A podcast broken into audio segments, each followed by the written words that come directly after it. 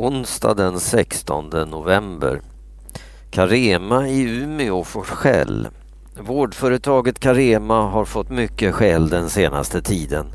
Företaget har fått hård kritik för sitt sätt att sköta vården på flera hem i Stockholm.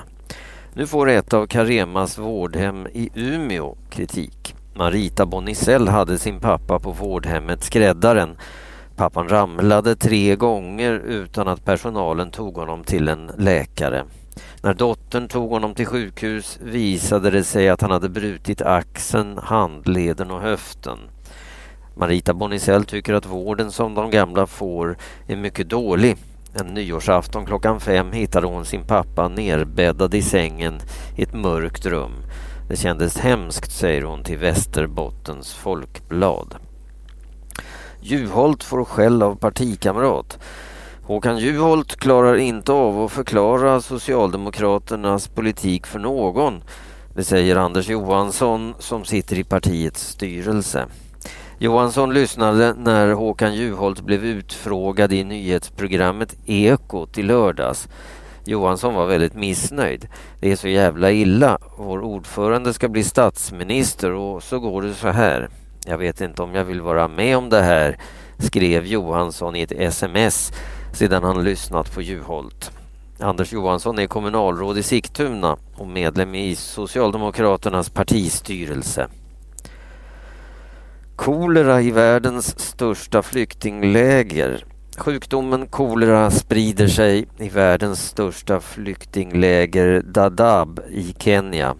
Hittills har 60 människor blivit sjuka. Minst en människa har dött. Smittan kom till lägret med flyktingar från grannlandet Somalia. Lägret Dadaab är byggt för 90 000 flyktingar.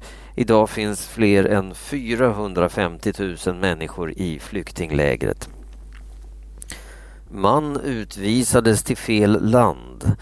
Polisen i Gävle skulle utvisa en man till Iran men poliserna gjorde fel och satte mannen på ett flyg till landet Irak. Nu riskerar den utvisade mannen att dömas till 15 års fängelse. Mannen utvisades i oktober förra året. Nu har han suttit häktad och inlåst på en polisstation i Bagdad i mer än ett år. Han sitter i en mörk cell med flera andra fångar säger mannens syster som åkt till Irak och besökt honom. Ny förlust för fotbollslandslaget. Sverige förlorade fotbollslandskampen mot England på tisdagen. England vann med 1-0 på hemmaplan. Gareth Barry gjorde målet för England. Det svenska laget gjorde ingen usel match. Stundtals var det svenska spelet ganska hyfsat men det räcker inte för att vinna mot ett bra lag som England.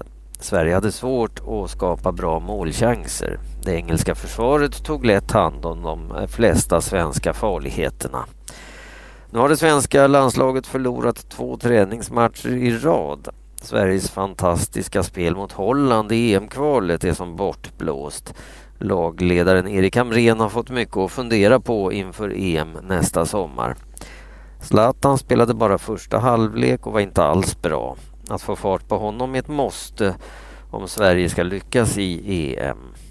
Det här var första gången på 43 år som England besegrade Sverige i en fotbollslandskamp. Nynazister misstänkta för tio mord. Poliserna i Tyskland har upptäckt en hemlig nynazistisk organisation. Gruppen kan vara skyldig till bland annat eh, tio mord, över tio bankrån och ett bombattentat. Brotten har hänt under de senaste tio åren och är utspridda över hela Tyskland. Gruppens offer var invandrare, förutom en polis som också mördades. Det tog lång tid för polisen att upptäcka att brotten hade med varandra att göra. Många tyskar är upprörda och kräver att landets ledare gör mer för att stoppa högerextrema grupper. Tysklands ledare Angela Merkel säger att det högerextrema partiet NDP kan förbjudas. Att vi har en högerextrem terrorism är en skam för Tyskland, säger hon.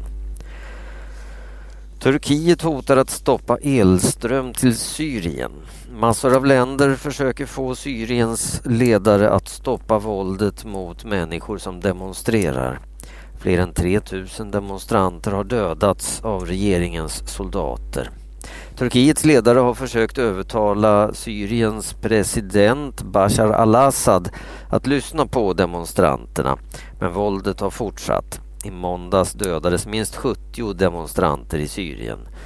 Nu hotar Turkiet att stänga av elen till Syrien för att tvinga de syriska ledarna att lyssna.